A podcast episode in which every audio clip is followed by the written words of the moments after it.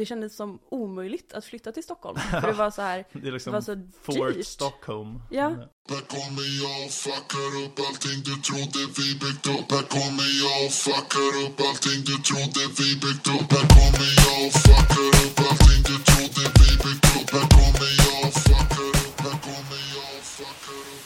Hej och välkomna till podcasten Om och Men Där vi reder ut det ni tycker är krångligt och krånglar till det ni trodde redan var utrett Med mig, Vincent Flink Amlenäs Och med mig, Beatrice Erkers.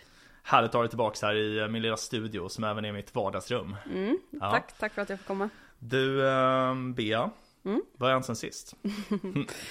Eh, inte supermycket. Vi, vi har ju varit ute och käkat middag Ja, på ett väldigt nice ställe som jag absolut kommer gå tillbaka till och kan rekommendera. just det mm. Eh, Linglong. Ja, toppenställe var det Väldigt kul namn också. Ja, eh, det var, det var bra. Jag tror att det, det betyder någonting på kantonesiska tror jag. Jaha. Något eh, typ att man är snygg eller något sånt där betyder det. Mm. Från typ Hongkong, det var någon så här välkänd fras på typ 20-talet eller något som användes som snygga kvinnor tror jag. Mm. Jag är lite osäker. Det låter väldigt sexigt. Det... Får stå för dig. ja.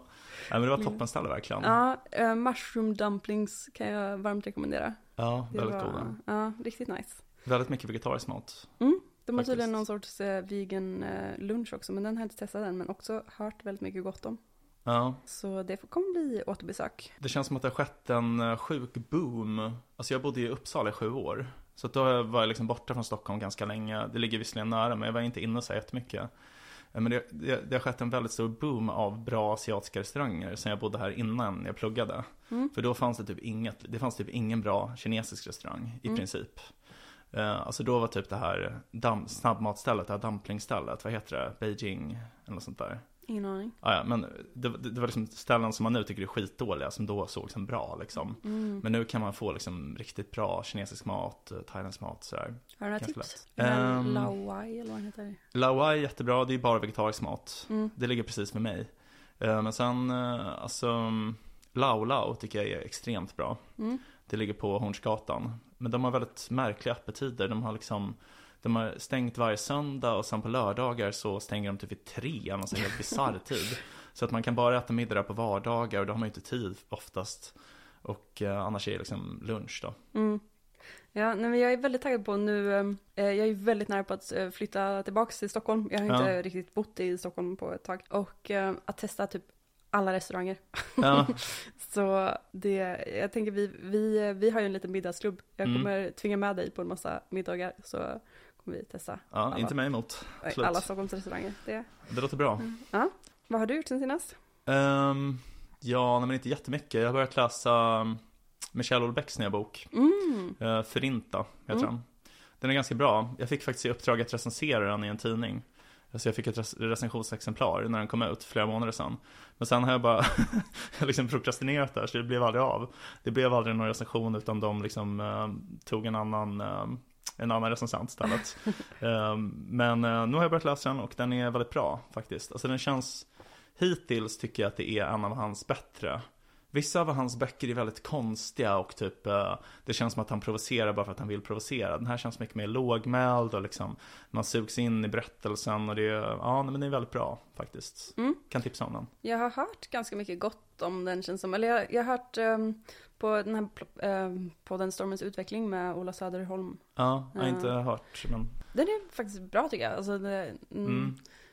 Intressant att höra. Och de, i de två senaste avsnitten som jag har hört så har de, både, först pratade Ola om det i ett avsnitt och sen pratade, eller nej, förlåt, okej, jag rör ihop det. Men Mhm. de har pratat om, om den här boken i alla fall. Eh, och att den var en väldigt intressant eh, porträtt och eh, över liksom den moderna manligheten typ eller någonting. Ah, Okej, intressant. Undrar vad de menar med det? Men det var någonting Ja. med att så här, att um, hon pratade om att um, det enda sättet män, det, det, män har väldigt lite fysisk kontakt. Eh, Aha. och att det är typ bara genom att de har relation med kvinnor som de har fysisk kontakt med någon annan människa. Ah, Eh, och att det på något sätt gör dem mer isolerade och att det är det här som in, för den handlar väl om incels och lite sånt typ. ehm, Eller han är ja, lite incelaktig. Ja, lite. Ja, jo men absolut. Jag har Ja. inte riktigt tänkt på det på det sättet. Men det handlar ju om en man vars äktenskap inte fungerar. Mm. eh, Kan man säga. Ja. Så, Den verkar spännande, jag var sugen på att läsa den ja. också. Ja, men jag kan eh, varmt rekommendera den. Absolut. Mm. Eh, Den är absolut läsvärd. Mm. Eh, Men sen har jag läst en annan bok också, Mm. som är ämne för dagens podd. En väldigt spännande bok i mitt tycke, som heter Allt du behöver veta om bostadspolitik av Fredrik Kopsch. Mm. Och den har du också läst? Det har jag. Ja, ja Fredrik Kopsch, han, är då docent i fastighetsekonomi och chefsekonom på tankesmedjan Timbro. Um, väldigt eh, spännande, alltså det är liksom ett ämne, han, han går igenom då liksom svensk bostadspolitik eh, eh genom decennierna och liksom hur den ser ut just nu framför allt. Och han för även fram liksom förslag på hur man kan reformera den. Och det här är liksom, det är ett ämne som, alltså jag tycker det pratas extremt mycket om det, men jag har aldrig liksom läst en bok om det tidigare, eller så här, vet liksom nästan ingenting om det mer än bara så här saker som cirkulerar i eh, liksom vardagssamtal man har med människor man träffar. Mm. Um, Jag känner mig som ett blankt papper inför det. Alltså här, jag känner att jag inte kan någonting, eller kunde någonting innan jag Mm. läste boken. Eh, och att det, men att det var väldigt intressant, jag håller med. eh, om att, ehm, ja, det var, det, jag känner att jag får vara någon sorts så här tabula rasa för hur, hur, hur bostadspolitik eh, kan påverka en eh, i livet. För att det, är, det var väldigt intressant att, att läsa och jag har ju tänkt på, alltså det är ju någonting som påverkar alla. Jo, För jag tänkte på det, när jag läste boken så tänkte jag på, ja men som sagt jag ska flytta till Stockholm nu för jag har köpt en bostadsrätt med min pojkvän. ja just det. Det är första gången jag köper en bostad Mm. liksom. Men jag kommer ihåg när jag, innan jag hade flyttat till Stockholm, första gången jag flyttade till Stockholm, så Ja, för typ så här tre, fyra år sedan bara, så, så minns jag att det kändes som omöjligt att flytta till Stockholm. För det var så här, det är det liksom var så Fort dyrt. Stockholm. Ja, Mm. men att det var så här, det var liksom, men då, då, jag hade inget, eh, liksom, jag är frilansjobbade, så Mm. jag hade ingen stabil lön. Så jag kunde inte så här, alltså många hyreskontrakt och sånt vill de ju att man ska ha liksom Mm. en fast inkomst. Eh, och köpa lägenhet var inte ett alternativ, för jag hade absolut inte pengar till en kontantinsats. Jag, hade, Nej. liksom, jag kunde inte få tag på det på något sätt, alltså det var ingen i min familj som kunde hjälpa mig med det eller någonting sånt liksom. Eh, jag hade inte stått i någon eh, bostadskö, alltså så här, det bara kändes omöjligt typ. Så, så här, Mm. det jag gjorde typ var att kolla typ, okej, jag kanske kan hyra ett rum av någon ute i Tensta. Ja. eller någonting, det kanske är det man har råd med. Eh, så jag var ganska inställd på typ, ja det är så jag får göra typ så här. Får Ja, eh, försöka hyra något över blocket typ. Då, men sen så hade jag turen att jag kunde bara flytta in med min pojkvän. ja. Så, så, så löste jag det. Jag löste, jag löste min situation på samma sätt. det känns som en klassisk Stockholmsgrej liksom, att man, man flyttar in hos sin partner liksom. ja, nej men Ja. Absolut. Men, men jag kommer ihåg känslan av liksom, nästan lite maktlöshet typ inför hur, Ja. vilket, vilken jävla labyrint det är. Ja, men det är ju det, verkligen. Men det är därför det var ganska intressant att läsa boken för att så lära sig och jag kände också att jag lärde mig typ så lite saker att tänka på. Ja. Alltså hacks. Ja, intressant. Ja, Mm. men jag tycker också, alltså, för det, det är som sagt, många pratar om det, men man har aldrig fått en översikt. Och jag tycker om att läsa sådana böcker. Men en eh, fun fact är att jag, innan vi eh, spelade in det här avsnittet, innan jag började läsa boken, så sa jag till en kompis här att vi skulle göra ett avsnitt om, om den här boken. Eh, och eh, då svarade hon så här att men de där böckerna, allt du behöver veta, för det är ju en, se- en serie som Timbro har. det är mest för medelålders eh, Alltså så här, medelålders personer som bara är så här autistiska och Så jag kände mig jätteträffad För att det var verkligen så här, det var verkligen en bok som passade mig extremt bra Mm. Eh, Men ja, Mm. Nej, Men jag håller med om att, för du hade Mm. sagt eh, till, Mm. till mig också att, att, ja, eh, Mm. att, att du hade fått lite varning för boken typ. ja Och då var det så här, åh nej. Men sen så läste jag den och det tyckte Ja. jag var så men det är också så här kul att man själv är en så här del av den här tankesmedjevärlden om än liksom väldigt, väldigt perifert. Men jag tänker så här, folk som är helt utanför den världen kanske betraktar det som lite mer, ja men jag vet inte, nördigt typ. Sådär. Mm, men mm. eh, men det här, det här, jag tyckte han gjorde det väldigt bra. Sen, sen får man ju säga också typ att så här, det är klart att, alltså om den här Fredrik Kopsch, jag känner inte honom, jag har aldrig träffat honom liksom, men om man är chefsekonom för Timbro så är det klart att det är liksom en vinklad bild Mm. av bostadspolitiken. Jag menar, människor som kanske liksom röstar vänster och har mer socialistiska sympatier skulle kanske ha en delvis annan uppfattning. Eh, Men jag tycker ändå, alltså så nu håller jag förstås med honom i mycket, men jag, jag, jag tyckte ändå det framstod när jag läste det som att det var en ganska objektiv framställning. Det var inte jättemycket av hans egna åsikter invävt. Mm. Även om man får anta liksom att det färgar vad han väljer att ta upp och så. Mm. Eh, Nej men precis. Så jag tycker inte alls att man ska typ känna sig skrämd av att det är så här en högerskribent typ, som ligger bakom boken. Nej, snarare skulle det vara intressant om någon som kom från ett vänster- vänsterperspektiv Mm. läste den. Det vore väldigt intressant att höra tycker jag. Jag tycker också det. Mm. Faktiskt. Eh, Och sen får man ju tänka att han är ju framförallt liksom akademiker. Mm. Men eh, vi kanske ska gå igenom lite vad boken innehåller. Mm. Så den är uppdelad liksom i tre delar. Där det första eh, heter bostadspolitik som socialpolitik och behandlar framförallt typ hyresregleringar Mm. och eh, hur de går till. Eh, Det är väl kanske liksom det mest typ, så politiskt kontroversiella, den här frågan om marknadshyror och så. Mm. Ehm, Så det andra delen handlar om byggpolitik. eh, Hur, liksom, vilka regleringar som finns på byggande av bostadshus i Sverige. Och den tredje är liksom den finansmarknadspolitiska delen av bostadspolitiken som har att göra med fastighetsskatt framförallt. Mm. Så. Den, tyckte jag, den sista delen tyckte jag nästan var mest intressant. Jag visste liksom ingenting om det Nej. Jag tycker det skulle vara intressant också att bara börja med så här lay the ground på något sätt med att så här, hur det är intressant för gemene man typ Ja. eller någonting. För, för jag tänker om man hoppar in vid fastighetsskatten kanske är lite svårt. Men, Mm. men att så här, man brukar prata om, om bostäder som någon sorts så här, social rättighet typ. Eller Ja. att det inte är en vara som andra varor och sånt. Att det, Mm. det är ett känsligt ämne. Typ. Ja, nej, men det, det är det ju. Ja. Absolut. För att det är liksom, ja men han tar upp det att bostäder är liksom väldigt hållbara. Det är alltså Mm. ofta minst 50 år i alla fall om du bygger Ja, eh, ett om man bostadshus. bygger ett riktigt skithus Ja. liksom. Och att det är liksom, det är kostsamt om man skulle vilja flytta till exempel. Att, ehm, Ja, eh, så. det finns typ inget som är jobbigare tycker jag. Jag flyttade en gång med en kundvagn när jag bodde i Uppsala. Jag flyttade från ena sidan Luttaksesplanaden till andra sidan Luttaksesplanaden mellan två andrahandskontrakt. Eh, Och eh, vi hade liksom inga pengar, vi var dirt poor studenter så här. Ehm, Och eh, ingen av oss hade bil såklart, kände ingen som hade bil, ingen av mina föräldrar har bil. Så vi lånade en en kundvagn från ICA Luthagen och gick bara vända efter vända med hela vårt möblemang. Ja, jag vet att jag också har gjort det när jag så här bodde i London och, då var det så här, alltså man bara åkte tunnelbanan fram och tillbaka hela tiden med typ Ikea-kassar. Eller också när man skulle flytta ut och var tvungen att så här lämna allting. Alltså Mm. att det skulle vara så här exakt som man hittar rummet. Och man bara så här, okej men jag kan inte åka till tippen med de här grejerna typ. Eller alltså Nej. att man har köpt på sig någon tvättkorg eller något och bara så här, så här jag, vet jag gick upp till klockan fyra, fem på morgonen och bara så här ställde ut det på gatan. mm, Hoppas ingen dömer dig. ja. Ja.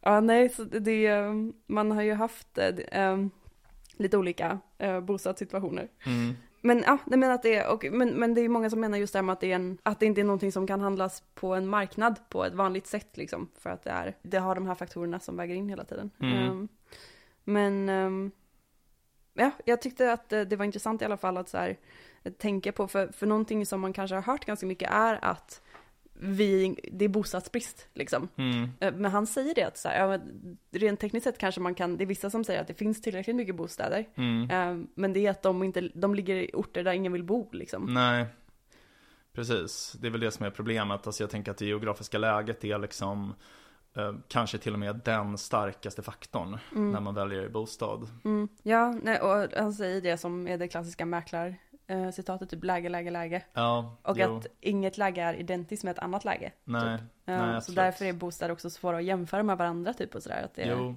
nej men det är en väldigt bra poäng. Och det här blir ju också lite problem, alltså typ han går igenom det här hur, hur hyrorna sätts i Sverige. Eh, och då är det ju liksom en, så må, många kanske har något hum om det, att det är liksom en förhandling mellan Hyresgästföreningen som organiserar typ drygt 90% av alla hyresgäster i Sverige. Och en förhandling då mellan dem och de enskilda hyresvärdarna. Där man försöker komma fram till hyror. Mm. Och alltså så här, tekniskt sett har hyresvärdarna rätt att kräva vilken hyra som helst. Alltså om man bor i typ en etta på 20 kvadrat så ehm, har hyresvärdarna rätt att kräva 100 000 kronor. Men det som kommer hända då är att hyresgästen har alltid rätt att överklaga det till hyresnämnden. Um, och uh, alltså, då, då gör hyresnämnden någonting som kallas för ett bruksvärdesprövning. Och det är liksom att man, man utgår från Alltså vad de anser är liksom Alltså värd, värdet av själva lägenheten och, och då liksom väger de in massor av olika saker till exempel typ eh, Hur väl renoverad den är, eh, alltså de väger in läget också men det är liksom undervärderat Ehm, så att, eh, och, och det här faktumet att man kan överklaga till hyresnämnden gör ju att hyresvärdarna vet ungefär vad som är en anses vara en skälig hyra av hyresnämnden och därför så kräver de ju inte mer för att komma undan och ha massa pågående processer i hyresnämnden. Det är ju kostsamt och liksom tidsödande. Mm. Så det blir ju i effekt som att det, man inte får välja hyra då. Mm. Ja, så. Men var det därför de inte, alltså så här att folk inte ville ha renoveringar och sånt? Ja, exakt. För att det skulle höja deras hyra? Ja, alltså det finns ju ett exempel som är ganska roligt med det där att Um, alltså i de här bruksvärdesprövningarna som görs då av några byråkrater i hyresnämnden så kan till exempel en sån sak som att sätta upp en kryddhylla från Ikea uh, Det kan liksom generera ett bruksvärde uh, som uppskattas till ungefär 10 kronor i månaden Mm. Så att när kryddhyllan kostar typ så här 39 spänn på Ikea Så sätter man upp den och då tjänar man som hyresvärd 10 kronor i månaden Hmm. Sådär, så att vissa saker är liksom övervärderade, andra saker är undervärderade som till exempel läget då Mm. Mm. och det får ju till effekt att hyresrätter i Stockholms innerstad är alltså gravt undervärderade. Mm. Medan det finns vissa, även om det är väldigt ovanligt, så finns det vissa områden där hyresrätterna är undervärderade. Alltså, eller över, övervärderade. Mm. Så att det är liksom, hyrorna är högre än vad de hade varit Mm. på en fri marknad. Mm. Så det blir liksom en väldigt eh, konstig effekt då, Ja, av det här systemet. ja. Alltså det var i Malmö framförallt som det var ja, övervärderat. Men, eh, ingen vill bo där. Nej. Staten måste tvinga folk. eh, Ja. Men, eh, nej men det var väldigt intressant och, och liksom det här med att det, det det ger upphov till med de här undervärderade då framförallt är ju Mm. Ja. någon sorts svarthandel. Ja, exakt. Jo. Alltså del, dels att det finns en Och- svart marknad, men också Ja. att det byggs färre. Och, och att det är extremt långa bostadsköer. Ja, Eh, För liksom i innerstan i Stockholm så kan det vara så här mellan 20 och 40 år typ, alltså är väl vanligt. ja. Jo, precis. Alltså det, är, mm, det är rimligt, skulle jag säga. Att få en, en, en nice lägenhet, eh, liksom, mitt i Stockholm. Mm. Ja, det tar nog 30 år typ. Mm. 20-30 år. Nej men, nej men verkligen. Eh, och det känns ju så här, eh, och, och, som jag förstått det också då, så är, det är inte normen att det är Nej. så, utan det är att vi i Sverige har en ganska Mm. kass bostadspolitik. Ja, verkligen. Alltså jag, ehm, jag bodde i Kina under en period efter gymnasiet. eh, Och då, alltså så här, blev vi bara, alltså via en administratör på universitetet där jag pluggade, så blev vi satta i kontakt med en hyresvärd som inte hade något att göra med universitetet. Det var inte studentbostäder, det var en privat hyresvärd liksom. Eh, Och han bara, ja men vilken av de här lägenheterna vill ni ha? Det var liksom förstahandskontrakt och så här. Sen Mm. är ju så här, ja, Kina kanske inte politiskt sett är bästa förebilden, men, men ändå liksom. Mm. Det är ju så i väldigt många länder. Mm. Nej, men, det, mm, men då, det han pratar om i boken är ju hur man har försökt, som du pratar Mm. om med hur man sätter hyran och sådär, och hur man har försökt liksom, det var väl, var väl typ under andra världskriget som man införde hyresreglering. Mm, jag trodde att det var tidigare. Jag har för mig att det var typ eh, 19, alltså strax innan 20-talets början. Ja, Men jag kanske blandar ihop det, jag vet inte. För, för jag, det kanske det var, men det var i alla fall i, jag tror det var 1941 eller någonting sånt, att det var, som jag kommer ihåg det, att det var, just för under andra världskriget, att man inte vill, man var rädd att allting skulle sticka iväg så extremt med priserna. Ah, ja, okej, Eh, om, att man då började reglera, eh, alltså från statens håll. Och att då, för det jag tyckte var intressant som man pratade om då var att liksom, att man tänker ju att så här, ja, men om det är billiga hyror Mm. i, i centrum så Ja. kommer det leda till att fler folk flyttar dit eller någonting, för fler Ja. har råd att bo där. Ja, just det. Men det som händer är istället att folk inte lämnar, typ. Ja. Så att det bor eh, en gammal änketant typ, bor Mm. kvar liksom tills hon dör i sin våning på Östermalm. Eh, för att det är billigt. Exakt. Medan eh, när vi har som den marknaden som vi har nu med där folk framförallt köper bostadsrätter, Mm. att det leder till liksom det är unga människor som flyttar in till stan mer och att det, folkmängden ökar medan det, man såg att folkmängden minskade istället tror jag när det var Ja, så. intressant. Det, och det kanske är en väldigt så här, för att som sagt han är chefsekonom på Timbro-tolkning. Ja. Eh, men, eh, men det tyckte jag var väldigt Ja, intressant i det alla låter fall. ju helt rimligt, så Ja. hade man ju själv tänkt liksom. Ja, Men ehm, ja, men alltså jag, jag tänker en annan grej som jag har hört är typ att folk säger precis det här. Mm. Alltså som du sa nu, att folk inte flyttar på sig och att det är ett argument mot det hyressystemet vi har nu. Men så har jag för, hört folk säga så här att ja, men det där stämmer inte för att vi har jättehög rörlighet även på hyresmarknaden. Mhm. Att det är något så här 10% eller något sånt. Och att det är jämförbart ungefär med bostadsrätter. Mhm. Ehm, jag har hört den invändningen, men det han visar i den här boken är att den rörligheten är ju bara för, för andra människor som har en hyresrätt. Mm. Alltså, så här, alltså för att man har en alltså, lagstadgad rätt att byta hyresrätter. Så typ hyresvärdarna kan inte, eller åtminstone under vissa förutsättningar så kan hyresvärdarna inte neka gästerna att byta med varandra inbördes. Men det är ju inte den rörligheten som är av värde. Alltså rörligheten är ju bara värde för att få in outsiders in i, på marknaden. Den är inte bara värde för att insiders bara ska vara kvar på en annan plats Nej, inne i systemet liksom. nej, Eh, Så det, det tyckte jag också var en intressant distinktion.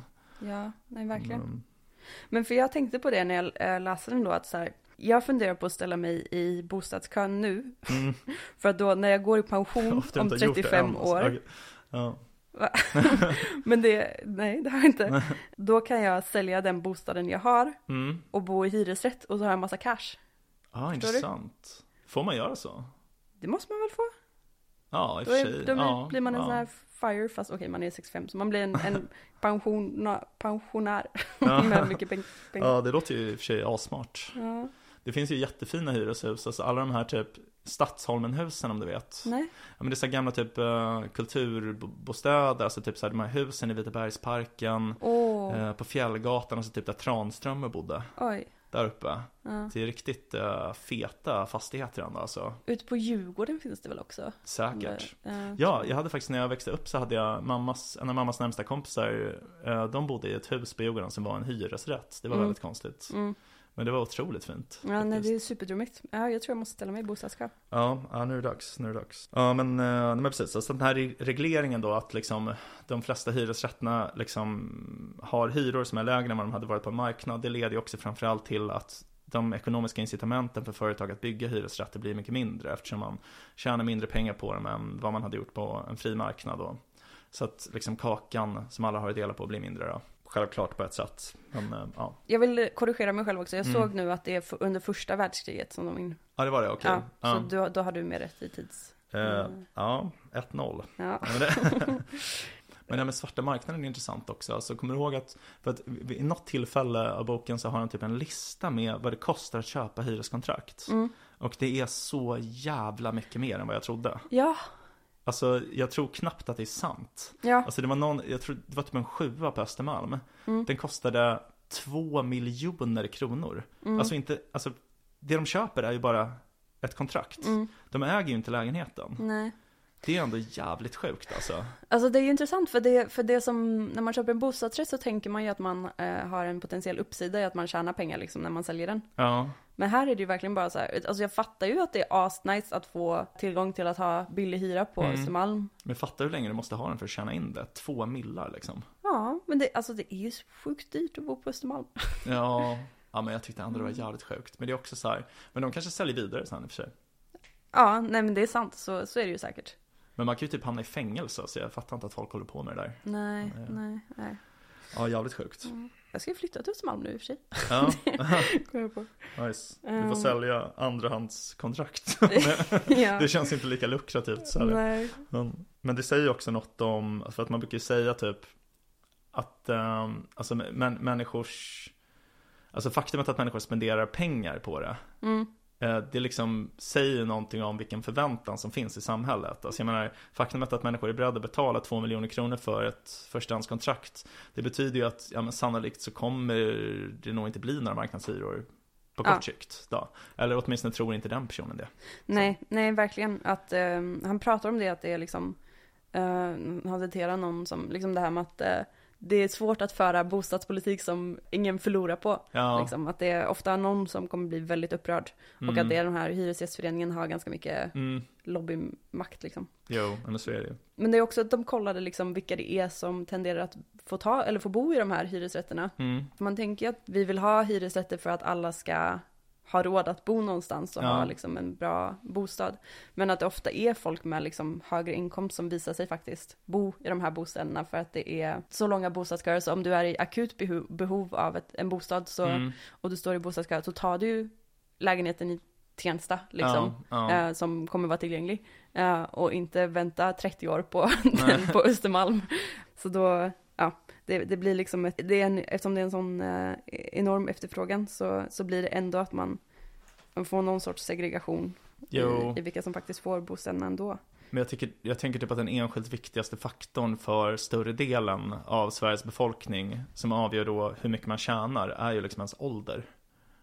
Alltså de allra flesta, det finns ju undantag, men de allra flesta tjänar ju mer när de är 50 än när de är 20. Och eftersom man måste stå i kö i 30 år så går det ju till personer som har- har bättre ekonomi. Mm, För att alla har liksom hunnit bli 50 då. Man kan ju ställa sig i kö när man är 18. ja, men det, det är ju fortfarande lite ett problem känns som, eller så här att det är Ja. Att det är så svårt, det är så fruktansvärt, eller det var det jag försökte illustrera med min poäng i början, alltså det känns omöjligt att ta sig in på bostadsmarknaden Ja. om man inte har någon någon in Ja, något slag. Ja, nej ja. jag håller med, det är, det är skitsvårt. Ja, Ja, om man inte har någon partner man kan kampera hos. ja. Mm. Dock, jag ska berätta om, eh, min pappa kommer från Dalarna. Och Mm. eh, där, det finns en liten by som heter Grycksbo eh, Okej. i närheten av där pappa kommer ifrån. Pappa berättade att eh, hans kompis hade köpt en bostadsrätt. Gissa vad den hade kostat? jag vet inte, en kapsyl. Nej, men... 4 000 kronor. Fan vad sjukt Ja. alltså. Och det här var inte, alltså det här var inte 1970 Paradvåning. liksom. Utan det här var liksom kanske 2010 eller någonting. Fy fan vad sjukt alltså. Ja, så ja, man har ju råd att ta sig in på bostadsmarknaden. Det är bara en fråga om var. Men alltså hur kan någon gå med vinst att bygga ett hus för 4000 kronor? Det, fanns, det, det är en sån ort där det finns ett pappersbruk. Så det är en Ah. bruk, bruksort liksom. Så Ah, det är väl, eh, men, men man vet ju inte hur länge bruket kommer vara kvar. Nej okej men det kanske är subventionerat av typ fabriken att Säkert, alltså jag, jag vet inte. Men det, så skulle det ju kunna vara. Att, Ja. eh, att det var därför de ville bygga dem. Intressant. Men han, han eh, Fredrik Kopps berättar ju också i sin bok att um, alltså miljonprogrammet att en stor del av de fastigheterna rivdes efter bara ja, men, 10-15 år. Och det, det kan ju ha varit något sånt. Att det var Mm. något som, om de inte hade fått det sålt ens för 4000 så hade de fått riva det liksom. Ja, Ehm, Så om de säljer det till en bostadsrättsförening så är det åtminstone deras problem. Så här. Då får Ja. de liksom fixa underhåll. ja. Men fan vad sjukt, fyra papp alltså. Tänkte man kunde köpa en eh, bra lya i Stockholm för det. Hade varit underbart. Mm. Ja, det, nej, det känns ganska otänk, otänkbart. Men jag undrar vad som skulle, för då skulle det ju inte, jag vet inte, om alla hade råd att köpa en, en bostad, det, det skulle Mm. ju bara bli överbefolkat, tänker jag, eller? Ehm, ja, kanske. Men jag tänker att priserna skulle stiga ju mer tätbefolkat det blev liksom. Det finns mindre och mindre utrymme och då stiger priset på det som finns kvar. Mm. Men det var intressant också lä- att lära sig om trångboddhetsnormen, typ, Ja. eller det hade jag ingen koll på innan. Nej, precis. Eh, det var väldigt konstigt. Ja, det var, det var en intressant, alltså trångboddhetsnormen, att det var, det var på 40-talet tror jag i alla fall, att eh, man har olika ja, normer då för vad som Mm. anses vara trångboddhet och att det, det har uppdaterats några gånger typ. För, och det är ju framförallt i en stad som Stockholm liksom som man, man försöker se, för, se vad det är för efterfrågan, vad man behöver bygga för bostäder och sånt. Och då, att då på 40-talet så ansågs ett hushåll vara trångbott om det bodde fler än två personer per rum. Mm. Och då var, räknade man inte med köket. Man räknar om inte heller par tror jag. Alltså typ om man är gift Ah. liksom. Nej, det, det vet jag inte. Det kommer jag inte ihåg. Ja, men så om man bodde i en trea med liksom sex personer så var det inte trångboddhet. Och sen på 60-talet så uppdaterades den normen. Eh, för då räknade man bort vardagsrum också. Så då kunde man bo i eh, Mm. en om man bodde i en trerummare så blir det liksom, då blir det fyra personer som Mm. kan bo där innan det blir trångboddhet. Jaha, var det så det var? Okej. Ja. Det, var, det var mer lågt ställda krav än vad jag trodde. Jag trodde det skulle vara, alltså inte mer än en person per rum, köket borträknat. Mm. Men då, Mm. då hände det i alla fall typ att det, liksom från att vara 43% av svenska hushåll ska ha bott i trångboddhet så blev det 4% när de gjorde den Ja, förändringen. det är en klassisk så här, förbättringsarbete genom omdefinition. Men då ska miljonprogrammet ha varit en stor del i det, som Ah, jag förstår. Och sen 1974 så gjorde man den normen som vi har idag. Mm. Och då är det att ett hushåll anses vara trångbott om det bor fler personer än en per rum. Mm, Okej, det var den Ja. jag tänkte på kanske. Och, och då, ja precis, för då är det undantag för sammanboende vuxna. mm. Så då är det undantag för ja. Eh, Ja. också, och, och kök och vardagsrum räknas inte. Men vad, liksom, vad, vad gör det? Jag minns inte det här. Alltså, liksom, vad spelar det här för roll att staten definierar det här? Vad gör de med den definitionen? Är det typ att det, då kan man kräva grejer eller jag vet inte. Jag kommer faktiskt inte ihåg. De vill bara underhålla sig själva kanske. Men det är, Ja. det, som, jag tror att det är liksom att i, eh, politiker behöver kunna ställa krav på Mm. eh, någon sorts standard. ja, jag bara. fattar. Eh, och då har man den, eh, ja, som någon sorts... eh, Måttstock liksom. eh, ja men precis. Ja, men jag, jag, jag tyckte det var intressant för alltså det här frågan med marknadshyror och liksom hyresregleringar Man kan ju vara emot systemet och tycka att det är ineffektivt och få dåliga konsekvenser men jag kan ändå verkligen förstå hur man har tänkt och typ det är inte så att jag tänker typ att Åh vilket helt bisarrt resonemang typ.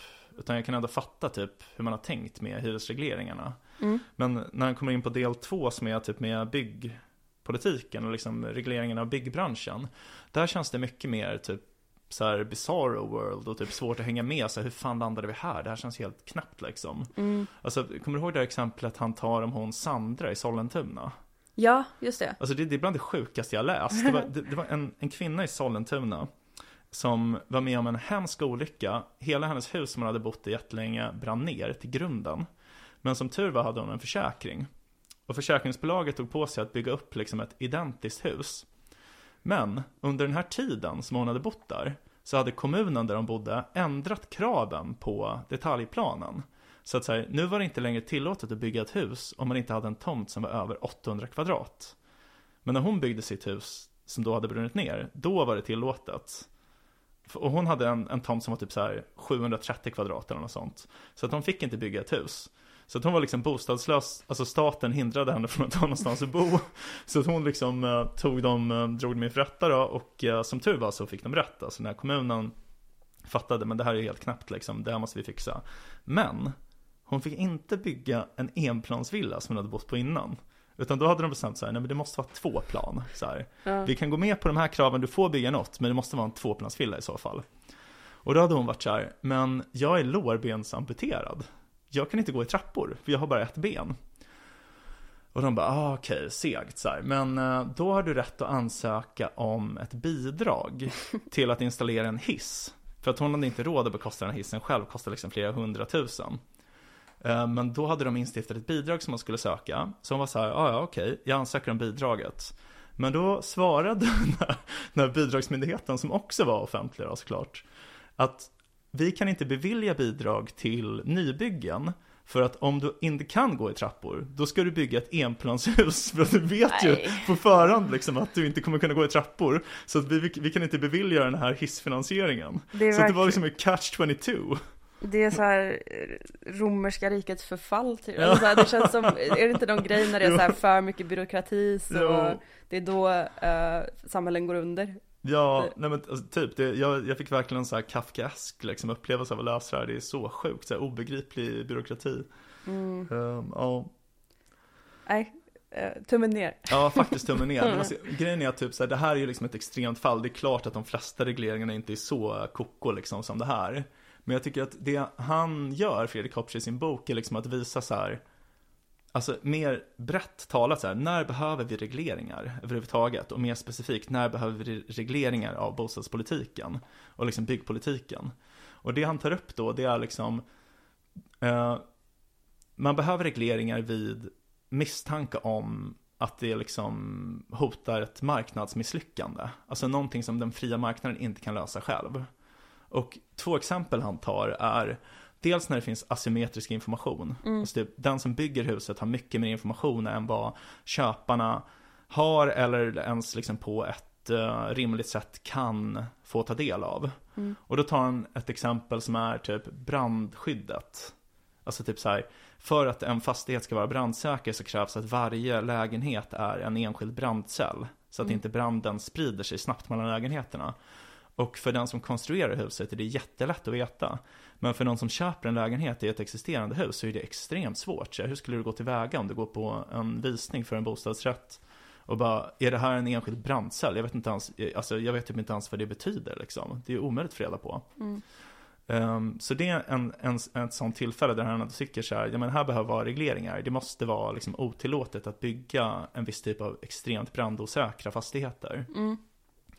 Ehm, så, så tar han också ett, ett exempel från Storbritannien med en fastighet som var liksom ett fuskbygge som hette Greenfield Tower. Mm. eh, som brann ner på grund av att de hade liksom inte följt de här säkerhetslagarna och liksom ljugit då. Mm. Ja, jag kommer ihåg det.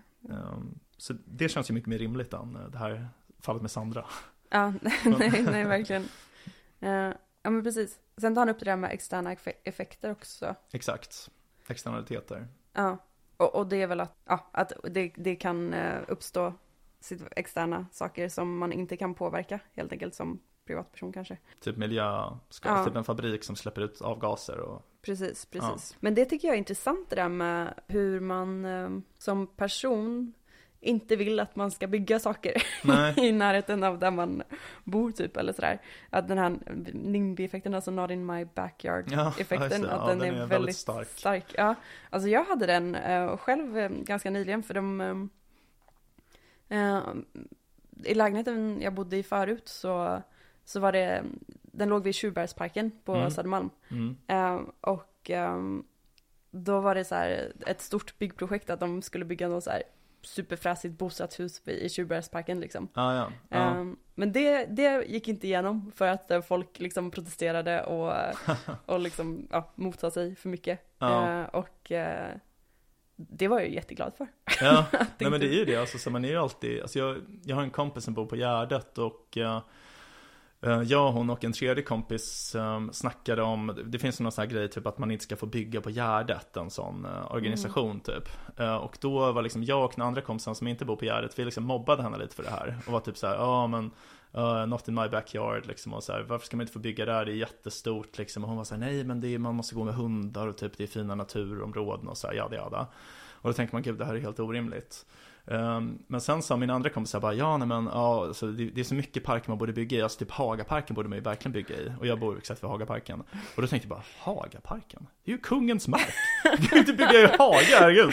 Det var liksom som att hela, det liksom vände liksom. Och Ja. det var så himla kul, för han reagerade verkligen så här Tittade på mig som jag hade sagt något så helt galet, som bara, "Ah, han är en av dem liksom. Ja. Vet, men alltså den effekten är så stark. Alltså Ja. nu när, ehm, när, vi- när jag höll på att kolla på lägenheter, Ja. var det så här, åh nej, här, äh, det är ett bygge på gång där, Ja. där vill jag inte bo typ. Att det, och det kommer ju sänka liksom värdet på ens bostad om det är liksom, om du bor vid en park och parken blir bebyggd, Ja. det, då kommer det sänka värdet på din bostad och det är mindre nice liksom. Ja, precis. Jag tror att det är typ viktigt att liksom tänka på det att så här, folk som är sådär, det är inte för att de är typ elaka eller dåliga människor, utan det är bara typ om man har möjlighet att dra nytta av det här, någon form av tvångsmakt, typ, så kommer man göra det om det gynnar en själv. Liksom. Alltså så, man Mm. bor ju lite, alltså jag säger inte att det är rätt, att, eh, men, men det är så lätt att man hamnar i de, man har den reaktionen liksom. Ja. Det, det är ens reflex på något sätt. Ja, verkligen. Eh, NIMBY-reflexen. Men på tal om Gärdet, alltså jag älskar Gärdet. Mm. Det är, jag hade, Skulle det vara bättre om det fanns lite bostäder där bara? nej, nej, jag är, jag är med, jag är på, Ja. vi bygger inte Gärdet-sidan. Nej, jag fattar. Eh, Ja. Jag red där på, de, eh, de har ett stall vid Djurgården. Och eh, alltså det är så nice för det, jag fattade inte det innan jag flyttade till Stockholm men att det är, alltså det är så mycket natur där borta. Ja, men verkligen. Ehm, som, alltså så här, jag hade bättre ridvägar där än på, ehm, liksom när jag bodde på landet hemma. För det Aha. var liksom, ja men Gärdet var asnice att rida på. Ja. Man bara kan galoppa där typ och de har stockar som man kan hoppa över och Wow, ehm, det var jättetrevligt. coolt. Fan, man skulle rida någon gång alltså. Jag har bara gjort det en gång. Mm. Det får lära mig någon gång. Alltså jag skulle, eh, eh, min Det pojkvän har också sagt att han vill prova. Så det vore kul att ta er på en ridtur. Ja men eh, jag och han kan hänga med någon gång. Freak Ja. Squad. Det, Ja. kommer, vi kommer inte vara så duktiga tror jag. Vi gör det. Ja, nej men eh, så det är liksom en liten grej där, not, not in my backyard. Alltså jag läste nyligen uh, Göran Greiders eh, nya bok, vad fan hette den? Som handlar om röda stugor. Ingen aning. Eh, Stugland hette den tror jag. Eh, men men eh, där pratar han om, han bor i Årsta tydligen. Och där pratar han om så här, gången han nästan höll på att bli centerpartist. Eh, för det var ju någon eh, i typ kommunfullmäktige eller något då, som, eh, som hindrade ny bebyggelse i Årsta. Eh, och Göran Greider, man märker så här, han skriver, han är liksom jätteorolig att det ska dyka upp nya bostäder i Årsta. Och så här, han skriver så här att, ja, jag fruktar fortfarande att de kommer gå igenom i byggplanerna. Så här. Men det känns som att de bygger jättemycket i Årsta. ja, okej. alltid när jag cyklar förbi där, eller för, eftersom jag bodde på vid Skanstull för Ja, så var det inte så långt. Eh, Årsta ligger över bron liksom. aha. Och det tycker jag alltid de bygger där.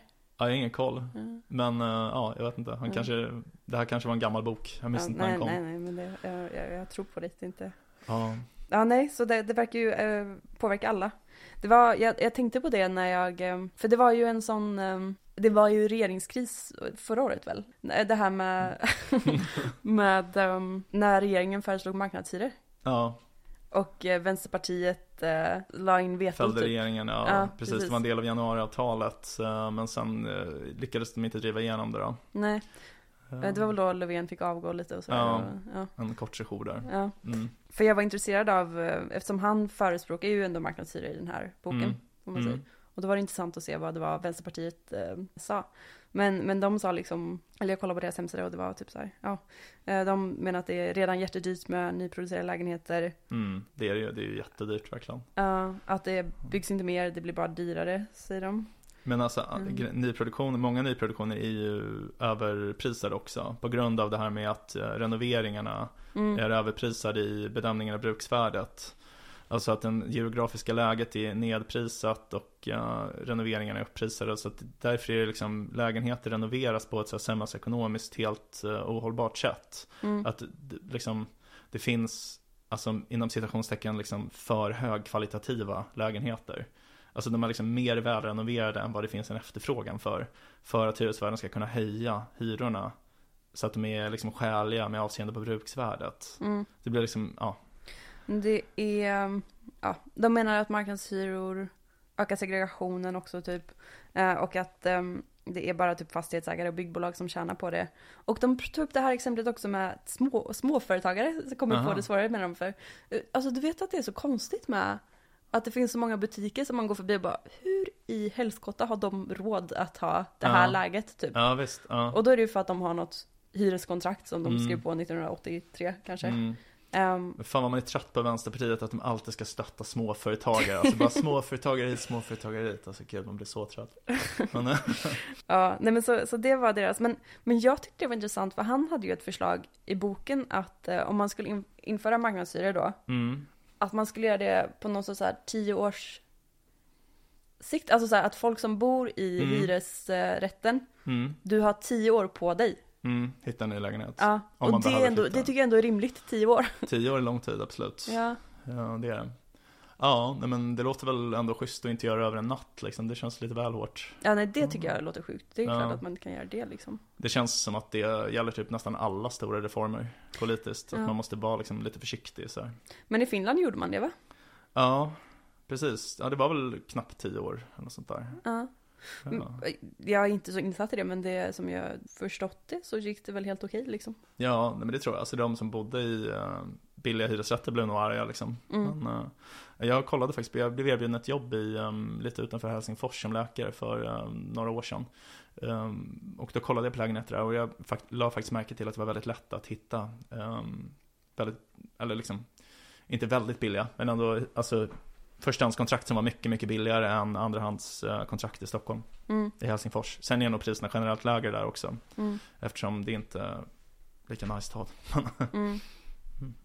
Men det är någonting med så här att kalla det marknadshyror versus att bara kalla det fri hyressättning. Eh, För det, för mig, det är väl samma sak? Eh, ja, För, för jag tycker marknadshyror låter lite läskigare. ja Typ. Den elaka marknaden som kommer och förstör. ja men det, medan så här att bara säga, ja men fri hyressättning, det Ja. låter ganska rimligt. Ja, precis. Alltså, jag menar, man kan ju liksom prata mycket om typ effektivitet och så här. ehm, Jag menar, han, författaren här, han är ju ekonom liksom, så det är klart att han pratar i termer av ekonomisk effektivitet. Men för mig är ändå typ det starkaste argumentet för marknadshyror är ändå typ Alltså äganderätten, den moraliska rätten att typ Om jag tänker så här, om jag köper ett hus Eller om jag köper en tomt och bygger ett hus Då äger jag den på samma sätt som jag äger typ min mobiltelefon Mm, jag får bestämma vad jag ska göra med den. mm, Så här, om jag vill hyra ut den till 10 000 kronors hyra så får jag göra det. Eh, eller, jag förstår typ inte var, hur någon annan kan få rätten att bestämma nej. vad nej. jag vill göra med liksom, min ägodel så länge jag inte liksom, skadar någon direkt med det. Mm, Eller typ, jag vet inte, ja. mm. Nej men jag köper det. Jag köper det. Vad, hade du något mer om bostads, eh, liksom?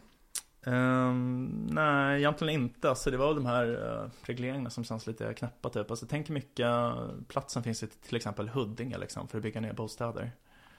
Ehm, Ja. ja, ja. Jag har aldrig varit i Huddinge. Långt från Hagaparken, Ja. långt, långt bort. Ja. ja, men den sista delen kanske då. Mm, Eh, Det handlade ju väldigt mycket om fastighetsskatt. Och det här var verkligen någonting som jag, alltså jag visste ingenting om det liksom. Mm, Men han var ju väldigt positiv där. Mm. Han ville ju verkligen ha fastighetsskatt. Mm. Och jag har fattat att det är någonting som ekonomer älskar. mm, Att ekonomer älskar fastighetsskatt har jag förstått. mm, Eh, Men jag har aldrig riktigt förstått varför. Och nu har jag då fått svaret. Anledningen är att om man inte har fastighetsskatt så leder det till liksom en snedvridning. För att då liksom, alltså hyresrätter beskattas hårdare än bostadsrätter. Ehm, genom att, alltså typ, säg att jag äger en fastighet. Eh, om jag hyr ut den till dig, då måste jag skatta på den inkomsten. mm, Men om jag bor där själv, då behöver jag inte skatta något. Om man inte har fastighetsskatt. Så då liksom leder det till en snedvridning så att det blir mer skattemässigt gynnsamt att bo i hyresrätter än i bostadsrätter eller liksom ägandelägenheter.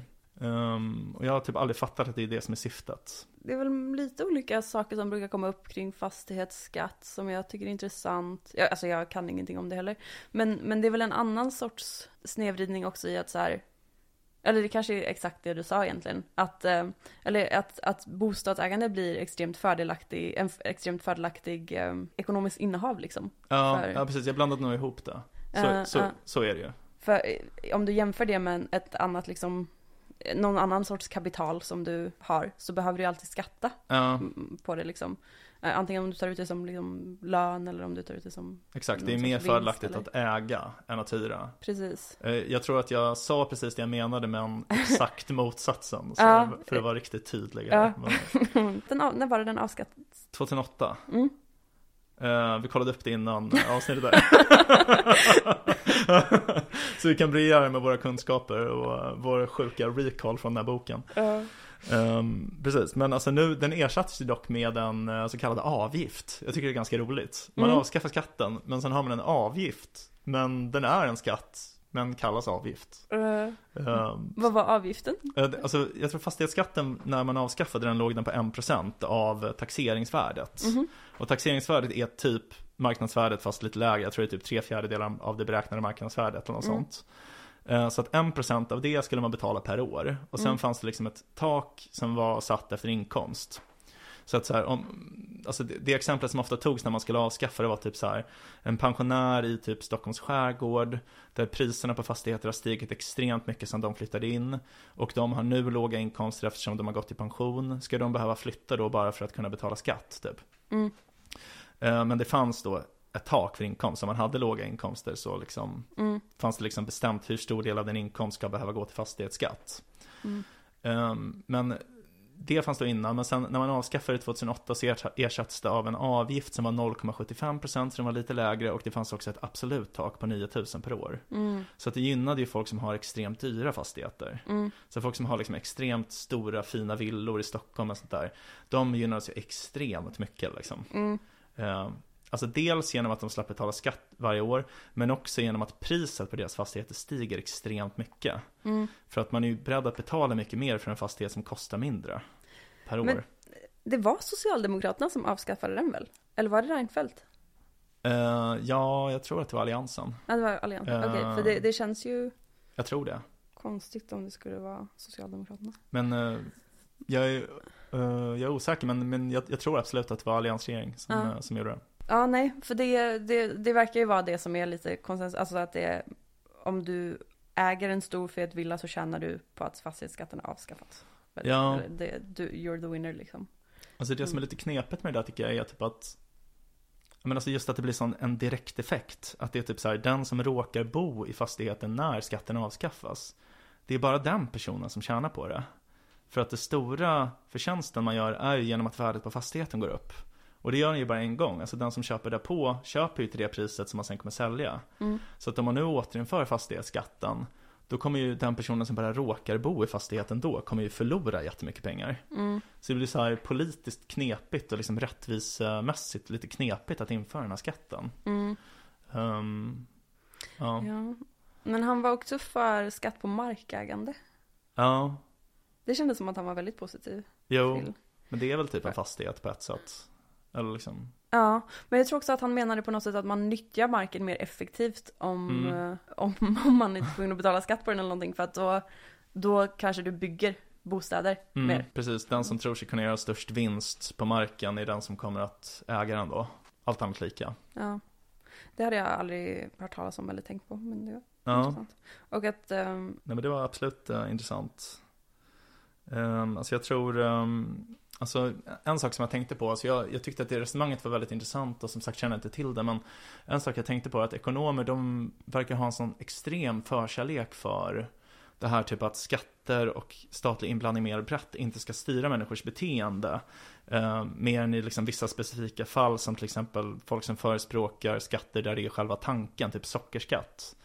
Um, att det är liksom, vi beskattar det för att styra beteende. Så, så det är väldigt vanligt till exempel att nationalekonomer förespråkar enhetlig moms. mhm. För att det momssystemet vi har nu, där olika varor och tjänster har olika momssatser, det styr vårt beteende. Så man blir mer benägen att köpa sånt som har låg Mm. eh, momsskattesats. Och jag tycker typ att det är så här, det är viktigt. Alltså så här, det är en sak som är viktig, men det är inte det enda som är viktigt. Alltså det här påminner mig lite om typ jurister som har en så här extrem förkärlek för rättssäkerhet. Alltså typ förutsägbarhet i rättssystemet. Att, alltså jag menar, det viktiga är ju att man gör rätt. Alltså om det finns många olika alternativ som är rätt, Mm. så är det, det viktiga att så många, i så många fall som möjligt blir det rätt. Det är ju inte bättre att det alltid blir fel, än att det ibland blir rätt och ibland blir fel. Är du med på vad jag, vad jag tänker? Liksom att, Mm. här, Men, Nej, men om, sä, säg, att man är, säg att man är emot både inkomstskatt på, för hyresvärdar och fastighetsskatt. Mm. Då är det ju sant att om man tar bort fastighetsskatten så blir det ju snedvridet, det styr beteendet. Men enligt ens egen standard så är det ju ändå bättre att man tar bort det ena av de två sakerna man är emot. ja. Än att man inte tar bort något bara för att det ska vara rättvist och lika liksom. Mm. Förstår du hur jag menar? Ja. Alltså det känns som att vissa människor har den där liksom att det måste vara exakt samma typ. Och att det blir viktigare än de här moraliska frågorna. Mm. Alltså sen till typ Fredrik Kopps försvar så gissar jag att han tänker att den här fastighetsskatten ska finansiera andra skattesänkningar. Mm. Alltså jag vet jag känner inte honom men jag tänker att typ han är nog inte en jättestor fan av skatter om man jobbar på Timbro liksom. Nej. Och det finns ju andra skatter som är värre. Så att, Mm. liksom, ja. Jag, jag, jag hörde på en podd med honom och då pratade han om att, ja, mycket bättre med fastighetsskatt än liksom inkomstskatt. Ja, ja, och det håller jag ju verkligen För med att om. inkomstskatt, Men- om vi ska prata om att det styr beteenden, att det får en att inte vilja Ja. jobba mer till exempel. Ja, och det är ju alltså så här, det är verkligen så. Så är det för mig. Alltså så här, jag har liksom en, eh, ett, ett Excel-dokument där jag skriver in typ så här, hur mycket av min övertid jag ska ta ut i ledighet och hur mycket jag ska ta ut i pengar. Mm. Och det är helt, helt beroende på skattesatsen. Mm. Så att det är liksom, ja. Ja, jag vet att min, min pojkväns pappa när han fick liksom någon löneförhöjning, Mm. han fick någon fet löneförhöjning som gjorde att han tjänade mindre för att han fick betala så sjukt mycket mer skatt. Oj, fan sjukt. Kan det Ja. hända ens? Det visste inte jag. ja, tydligen. Att man går back av löneförändring. Okej, Jo. sjukt. Ja, nej men alltså jag tycker ändå, jag gillade framförallt det här formatet väldigt mycket. Jag skulle vilja läsa någon annan bok i den här serien. Ja, absolut. Alltså typ, de har någon, jag vet att de har någon om elförsörjning. Det skulle vara kul. Det vore kul att lära sig lite om faktiskt. Ja. För jag känner, jag, när du säger det så är jag blankt. ja, ja, det är också en sån grej man inte vet något om. Ja. Ehm, ja, nej men eh, så allt som allt kan verkligen rekommendera den här boken om man har minsta lilla intresse. Och kanske även om man inte har något intresse, för man borde verkligen ha det. ja, men som sagt, det som ehm, jag tar med mig mest är ju mer så här life hacks. Lite Mm. så här, okej jag ska ställa mig i bostadskö. Ja, nice. Eh, och eh, ja men att bara ha någon sorts medvetenhet om hur, hur det funkar på bostadsmarknaden. Det känns som att man har lite, eh, på tal om asymmetrisk eh, information och sådär, så har man lite mer kött på benen än de flesta kanske. Ja, Ja. nej men verkligen. Ja men ehm, med de orden då. Mm. Ja, eh, med de orden så får vi tacka så mycket för att ni har lyssnat på ännu ett härligt avsnitt av eh, podcasten Om och Men där vi reder ut det ni tycker är krångligt och krånglar till det ni trodde redan var utrett. Nästa vecka kommer vi prata om någonting Helt sjukt. Jag fuckar upp allting du trodde vi byggt upp. Här kommer jag och fuckar upp allting du trodde vi byggt upp. Här kommer jag och fuckar upp allting du trodde vi byggt upp. Här kommer jag och fuckar upp, här kommer jag och fuckar upp. Vi har en mejladress om och men at gmail.com om och men at gmail.com Hör gärna av er om ni har några förslag på ämnen vi kan ta upp i podden eller om ni undrar något. Vi kommer att svara på alla mejl. Tack för att du har lyssnat. Vi hoppas att du vill lyssna även på nästa avsnitt som kommer på måndag.